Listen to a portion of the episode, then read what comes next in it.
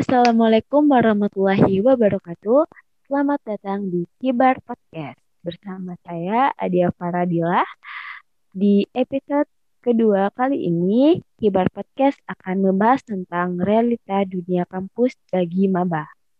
Nah, di episode kali ini saya akan ditemani lagi oleh dua rekan saya yaitu Mbak Indah Sabrina mahasiswa informatika angkatan 2018 dan Mbak Mia Mahayuntias mahasiswa informatika angkatan 2019. Halo Mbak Mia dan Mbak Indah. Halo. Kita bertemu lagi nih di episode kedua. Uh, ngebahas tentang topik uh, realita dunia kampus Mungkin dari awal mulanya dulu deh, saya mau tanya. Awal mula eh, dari menjadi seorang siswa di SMA hingga menjadi seorang mahasiswa perkuliahan. Apalagi sekarang udah ada di semester-semester atas nih. Gimana? Dari Mbak Mia dulu deh mungkin. Kalau saya sendiri nih ya, uh, pertama tuh pengen ke jurusan apa ya namanya tuh akuntansi.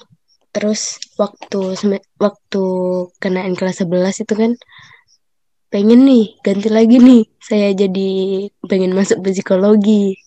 Nah terus pas udah kelas 3 kan kelas 12 SMA saya bingung lagi tuh milih jurusan apa ya? Sampai waktu apa namanya? SNMPTN itu kan SNMPTN itu saya tuh bingung milihnya. Jadi saya mikir dulu nih saya uh, masih kayak basic basic saya ke mana? Terus tuh mikirlah apa yang disukain hobi apa? Kayak masih masih bingung gitu kan sama jurusan jurusannya gitu. Jadi ya waktu SM waktu SNMPTN itu akhirnya saya milih ini apa ilmu komputer sama apa itu ya pendidikan agama Islam kalau nggak salah. Itu kalau ilmu komputer dulu saya milih di Brawijaya. Baru yang kalau pendidikan agama Islam itu pilih yang di Kalimantan Timur aja sih. Apa kemarin tuh? IAIN kalau nggak salah. Jadi tuh bener-bener waktu SMA tuh masih belum tahu nih ininya ke mana ngarahnya ke mana gitu kan. Jadi akhirnya waktu pengumuman SNM nggak lulus. Terus ikutlah ini kan UTBK terus ngisi apa uh, pendaftaran SBM itu. Dan itu sampai saya tuh masih bingung juga itu mau milih jurusan apa kan. Terus waktu nilai UTBK-nya udah keluar barulah saya bingung mikirin ini jurusan apa yang cocok ya? Nah terus tertariklah saya kan ke informatika itu. Ya udahlah saya coba di situ. Kebetulan kan uh, nilai UTBK saya uh, lumayan lah. Buat masuk ke situ masih bisa gitu. Jadi akhirnya saya coba dan alhamdulillahnya masuk. Dan waktu jadi maba itu uh, gimana ya? Kan namanya saya dari SMA nih dari SMA jadi nggak punya basic sama sekali kan buat uh, ke jurusan IT itu nggak ada sama sekali. Jadi benar-benar waktu pertama kali masuk kuliah nggak tahu apa apa dah tuh sama mata kuliahnya ini apa itu apa. Jadi kayak wah bisa nggak ya kira-kira? Jadi ya udahlah jadi saya nikmati aja tuh semester 1 semester 2 udah mulai deh nih kayak astagfirullahalazim istighfar. Istighfar terus ya. Selama semester 2 nih udah mulai kayak ngerasa aduh kayaknya kok salah ya kok salah jurusan gitu. Salah ngambil ya salah ngambil jurusan. Iya udah udah mikirnya tuh kayak astaga ternyata. Terus semester 3 akhirnya semester 2 kan bisa tuh dilewatin semester 3 lagi makin banyak lagi praktikumnya kan udah makin aduh bisa nggak yang ngelewatin ini terus akhirnya uh, lumayan kan itu semester 3 bisalah dilewatin. Ya IP-nya juga alhamdulillah eh, termasuk aman sih ya. Ya, akhirnya saya bisa bertahan sampai semester 4 ini. Walaupun di sepanjang perjalanan banyak ngeluhnya. Tapi ya dinikmati aja lah. Namanya juga kehidupan kampus kan ya. Eh, itu pasti beda banget kan sama SMA. Jadi kita nggak nggak bisa seenaknya. Nggak kayak SMA lah pokoknya. Itu beda banget. Terlalu bersemangat saya menceritakan kehidupan ini. Semangat sekali sepertinya ya dari perjalanan dari SMA yang bingung mau masuk apa sampai akhirnya uh, sudah masuk di dalam perkuliahan dan merasakan uh, apakah saya salah jurusan tapi itu normal sih menurut saya karena uh, kebanyakan mahasiswa nih yang tingkat atas tuh ada aja ngerasa kalau salah jurusan. Iya. Mungkin dari Mbak Indah deh, gimana iya. bisa diceritakan sedikit lah pengalamannya? Kalau kalau Mbak Mia kan itu bingung kan dulunya jur, mikirin jurusan mana nih yang cocok buat mbaknya itu. Kalau saya itu udah ada yang suka tapi berubah-berubah gitu. Awalnya kan suka ke arsitektur dulu tuh. Terus pas masuk SMA malah berubah jadi ke astronomi. Nah, lumayan lama sih suka suka sama astronomi itu dulu tuh sampai mau daftar juga ke sana tuh. Tapi pas tahu astronomi itu cuma ada di ITB itu. Nah, di ITB kan susah kan masuknya. Maksudnya itu persaingannya itu loh. Iya. Ketat, jadi iya, iya. di sini jadilah cari cari jurusan yang lain juga ya cari jurusan yang lain lagi sempat bingung juga sih tapi pernah disaranin sama keluarga apa sih yang kamu suka itu yang enggak yang enggak bakalan bosan itu dulu kan saya tiap hari main komputer kan. Jadi ya mungkin nggak bakalan bosan lah kalau belajar terus kan. Nah pas cari-cari jurusan yang lain itu sebenarnya mau ngehindarin matematika kan. Nggak taunya pas mau daftar itu malah sukanya ke komputer. Dulunya itu nggak tahu kalau komputer itu ada matematikanya itu ya. Daftar aja waktu itu ya sudah. Masuk daftar SN itu alhamdulillah lolos. Karena dari luar dari luar pulau juga kan mungkin peluangnya besar. Terus pas udah keterima di PTN yang daftar alhamdulillah cari-carilah akhirnya cari-cari tentang ilmu komputer itu. Kan masuk ilmu komputer kan. Tahunya ada matematika nah sempat daun juga kan lah kayaknya salah jurusan nih dari awal aja. Memang salah. Tapi ya dinikmati aja terus dijalani aja dulu. Terus pas selesai semester satu nggak sesuai ekspektasi kan. Kayak nilainya nggak nggak sesuai apa yang diinginkan gitu. Sam, pernah sampai stres juga dulu itu sampai ya gitulah sempat ada berpikir buat berhenti gitu. Tapi karena beasiswa kan. Siapa tahu masih berlaku terus eh, dipertahanin dulu lah. Akhirnya jalanin dulu sampai sekarang ya dijalanin aja dinikmati gitu. Ya mungkin nggak segitu nggak hmm. banyak. Lumayan juga ya yang awalnya dari astronomi bisa menjadi uh, mahasiswa informatika iya anu ya seperti kayak lintas minat gitu bermodal dengan kata jalanin aja akhirnya bertahan sampai semester sekarang ini oh. iya bener banget tapi ini nih biasanya nih kalau misalnya anak-anak SMA tuh dulu berpikirnya tuh beda mereka hmm. tuh kalau anak-anak yang kuliahan atau misalnya anak-anak yang uh, apa yang sudah tingkat atas gitu kan.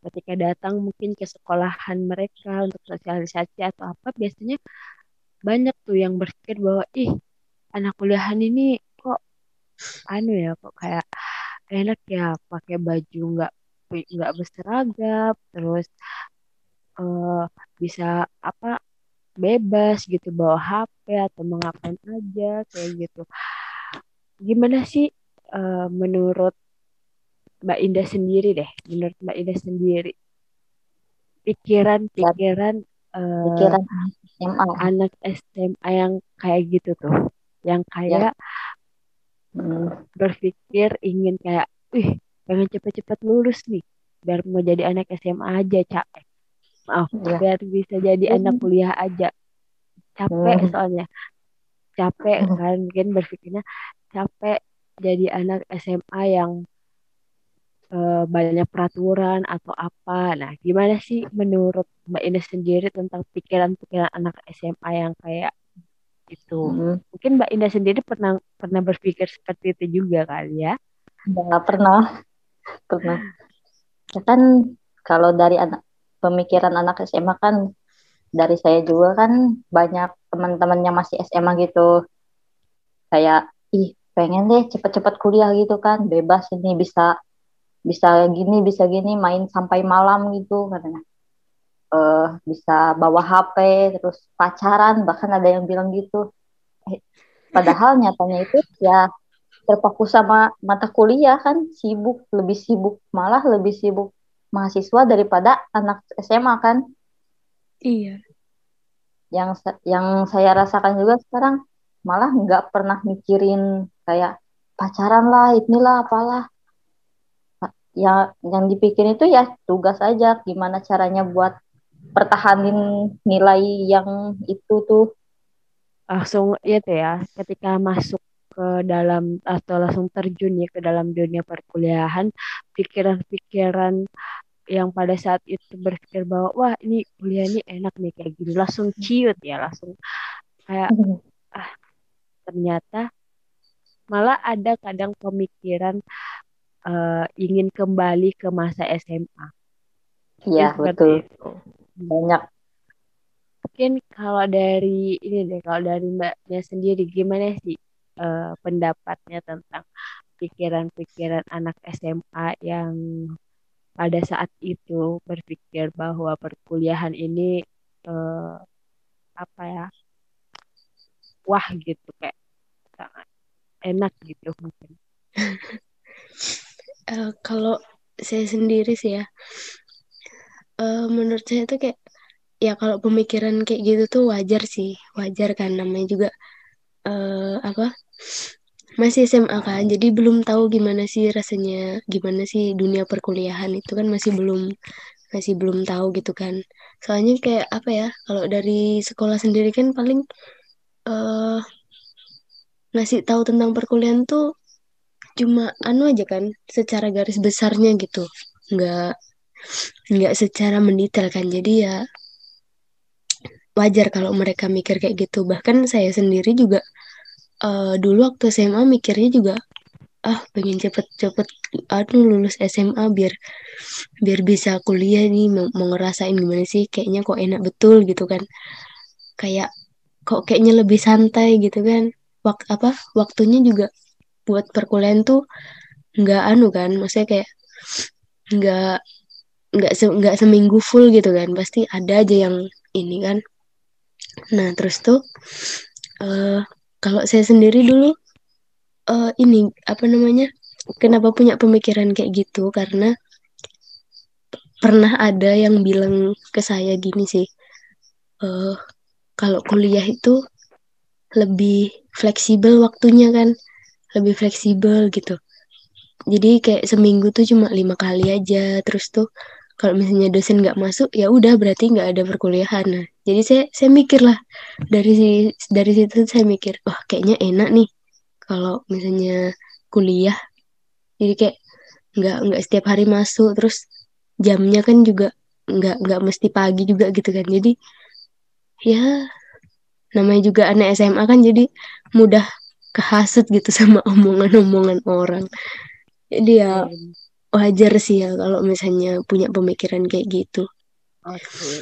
ya, ya seperti itulah mungkin uh, kebanyakan anak SMA itu kan uh, tidak melihat ke apa ya hanya melihat dari luarnya saja dan dari uh, celoteh-celoteh orang gitu. Jadi iya. wajar kalau berpikir seperti itu. Uh, mungkin uh, gini kan uh, karena pada saat masa pandemi saat ini mungkin dari Mbak Mia sendiri uh, pernah merasakan menjadi mahasiswa yang langsung bertatap muka dengan dosen menjadi mahasiswa yang sebenarnya uh, sebelum menjadi mahasiswa yang hanya bertatap lewat uh, virtual saja. Mungkin gimana sih uh, menurut Mbak Mia sendiri realita apa perbedaan antara offline dan perkuliahan online sendiri gimana? Kalau perbedaannya sih beda banget ya. Uh, kalau misalnya offline itu kan kita kan bisa berinteraksi langsung gitu, masih kayak ya online online juga bisa sih berinteraksi sama dosennya gitu kan. Cuman kalau offline itu lebih dapat feelnya gitu, lebih lebih apa ya uh, lebih jelas gitu kalau misalnya kita mau bertanya kan. Nggak nggak kehalang jaringan nggak kehalang uh, yang apa kalau misalnya koneksi buruk gitu kan. Jadi kalau misalnya offline itu dia uh, ini lebih lebih dapat gitu materinya. Kayak kita kita jadi lebih bisa nguasain materinya gitu kan. Lebih lebih enak juga gitu kalau misalnya denger langsung. Maksudnya kayak ngelihat langsung denger langsung dosen ngejelasin. Kalau online kan banyak kendala gitu. Kayak misalnya jaringan terus tiba-tiba keluar dari anu apa dari room. room belajar onlinenya gitu.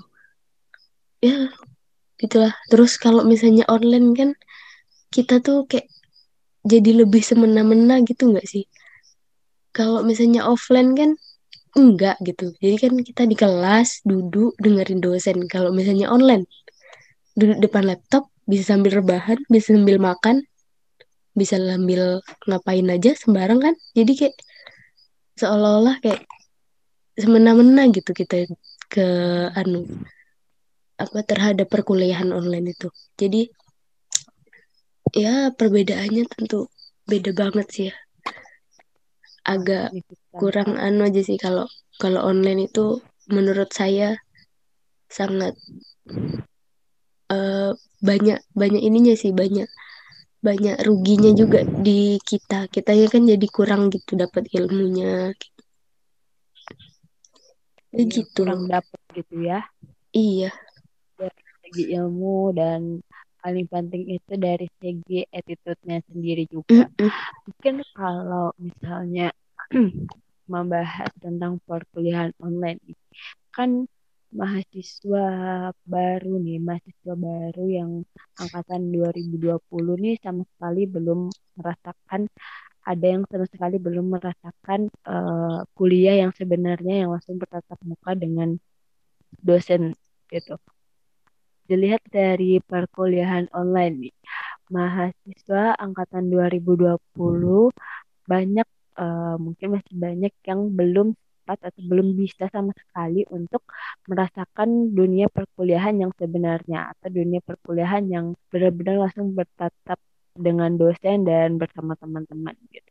Mungkin kalau dari Mbak Indah sendiri nih, pendapatnya tentang uh, mahasiswa angkatan baru yang uh, merasakan bahwa perkuliahan online ini udah kayak udahlah kita kuliah online aja gitu gak usah kuliah offline. Karena kalau kuliah online kan lebih lebih apa ya kayak lebih santai mungkin bukan bukan lebih lebih enak mau kayak tadi seperti yang dikatakan oleh Mbak Mia mau mau sambil tiduran mau sambil makan itu enak gitu. Mungkin pem, uh, menurut Mbak Indah sendiri gimana sih pemikiran-pemikiran yang kayak gitu tuh itu sebenarnya pemikiran yang harus di uh, diluruskan atau gimana?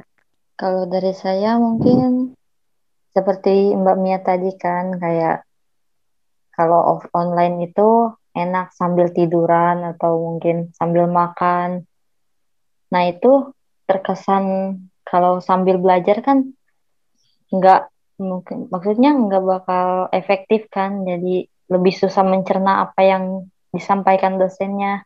Nah kalau kalau offline kan bisa langsung kan. Jadi kita nggak bisa semena-mena gitu. Kalau pemikiran kayak gitu sih mending jauhin aja ya. Bagaimanapun kan kuliah itu nggak cuma belajar. Kita juga kuliah itu cari cari kenalan kan, cari teman, cari relasi buat nantinya itu. Iya betul. Mungkin hmm. dan kuliah itu kayak apa ya? Uh, di perkuliahan ini kita juga belajar attitude gitu nih. Jadi kayak iya, nggak iya, nggak cuma belajar tentang akademik, tentang apa? Intinya nggak nggak nggak nggak melulu belajar tentang akademik tapi kita di perkuliahan tuh juga belajar tentang attitude attitude yang baik sama teman attitude yang baik kepada dosen. Ya itulah kan beda sama SMA kan? Beda banget. Iya. Sangat jauh berbeda ya. Oke baik. Uh, deh. Uh, kan uh, Mbak Mia dan Mbak Indah ini tergolong memiliki pengalaman yang berbeda di dalam dunia perkuliahan.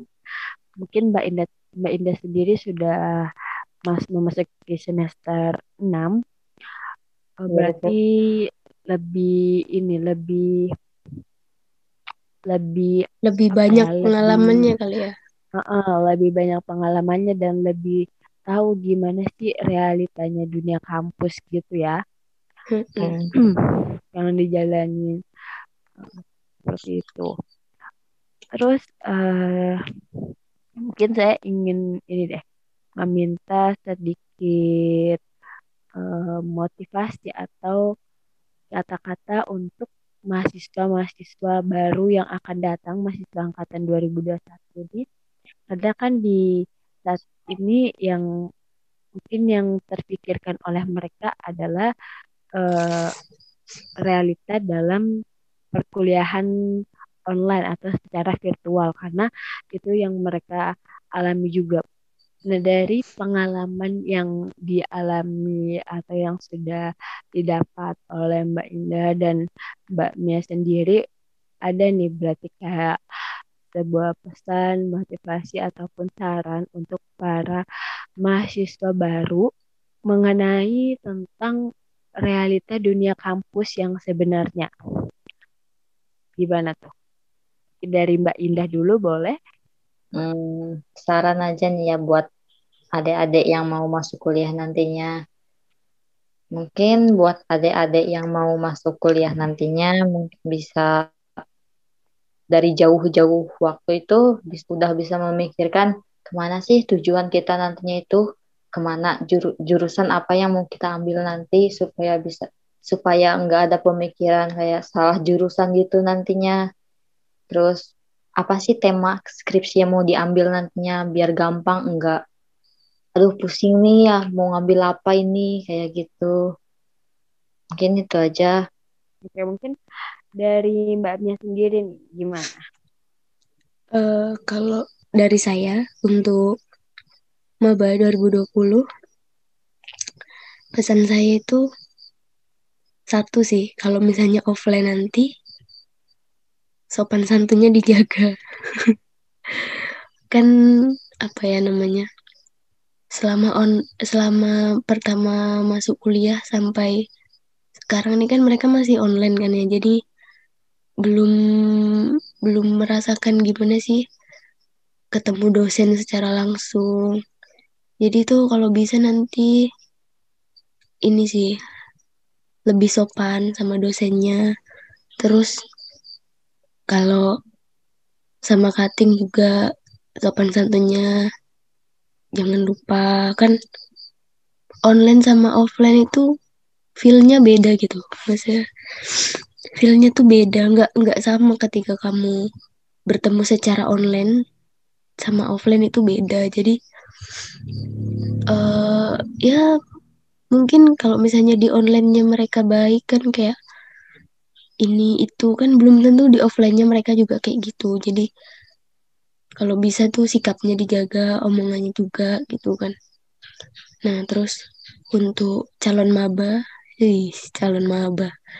Untuk calon maba nanti itu ya mulai dari sekarang sih. Mulai apalagi yang kelas 11 ya kelas 11 itu kalau misalnya kalau bisa mulai dari sekarang tuh udah udah ini sih udah harus nentuin pilihannya nanti mau masuk ke mana jangan sampai pas kelas 12 itu baru bingung milih jurusan dan lain-lain. Itu aja sih. Sekian. Iya. Main juga ya eh, motivasi-motivasi dari eh, Mbak Mia dan Mbak Indah ini.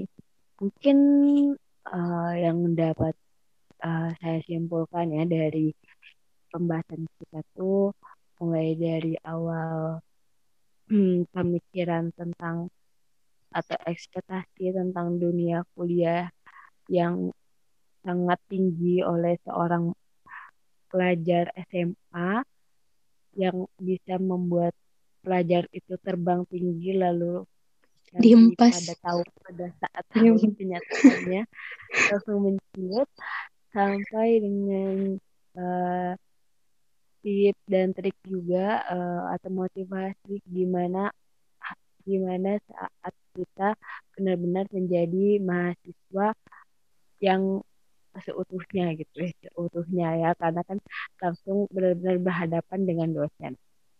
Iya. Eh, Oke baik mungkin sampai sini dulu pembahasan podcast kita pada hari ini.